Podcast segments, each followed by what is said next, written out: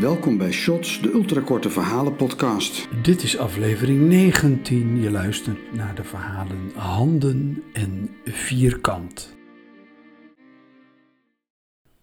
Handen.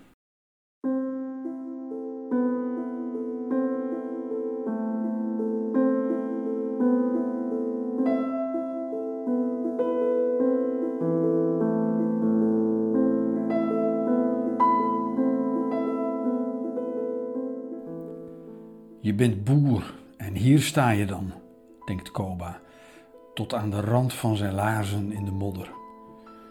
De akker, zijn akker, strekt zich uit tot aan de bosrand, een streep waterverf in de verte.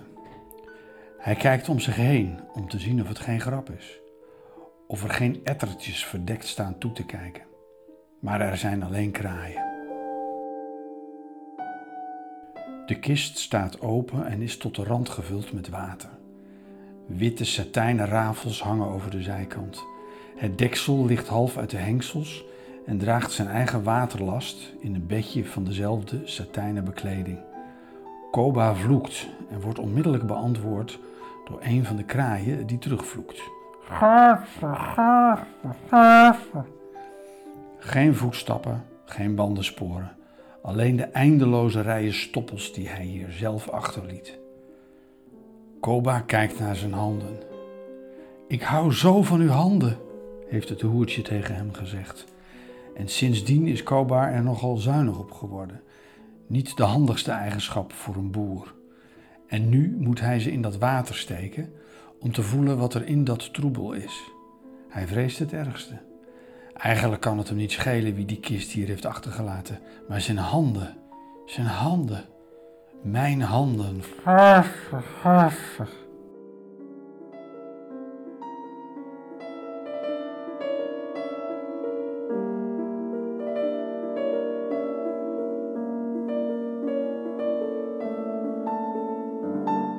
Vierkant.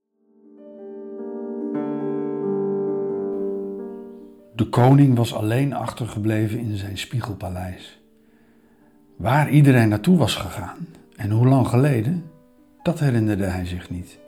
De koning herinnerde zich sowieso weinig, niet eens hoe zijn hofhouding eruit had gezien, hun gezichten en zo.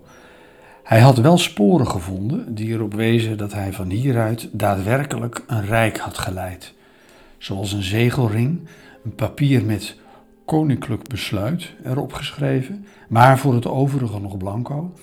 En een guillotine en een statieportret dat overigens ook weer uit een spiegel bestond met daarop zijn tronie. Er was een keuken, ja, met grote voorraden, maar geen koks. Een uitgang had hij nog niet gevonden en ramen evenmin.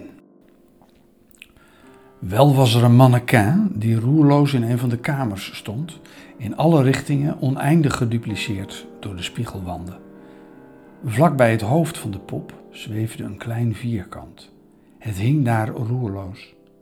De koning beklopte het ding, dat van hout leek, maar alle zes de wanden waren glad, zoals de spiegels.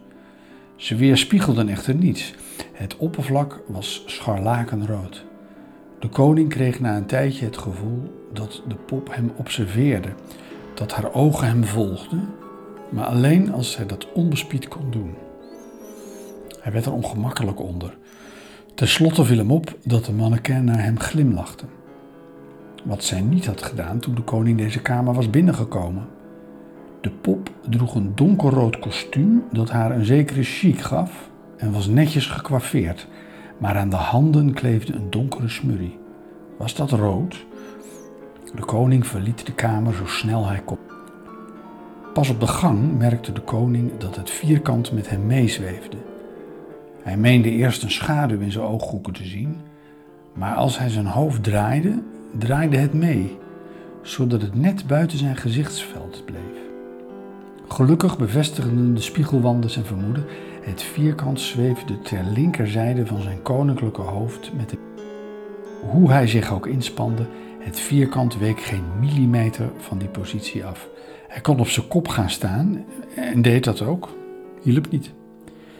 Na een tijdje gaf de koning zijn pogingen op, want echt kwaad leek het voorwerp niet te kunnen. En in elk geval hield iets hem nu een soort gezelschap. En dat was tenminste iets.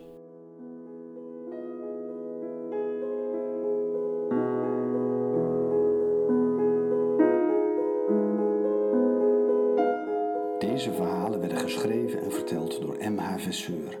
De muziek, de etude voor piano, opus 39 nummer 2 in A mineur van Sergei Rachmaninov, werd speciaal voor deze podcastserie gespeeld en geproduceerd door Jeroen van Veen. In de volgende Shots podcast weer twee nieuwe ultrakorte verhalen. Abonneer je nu.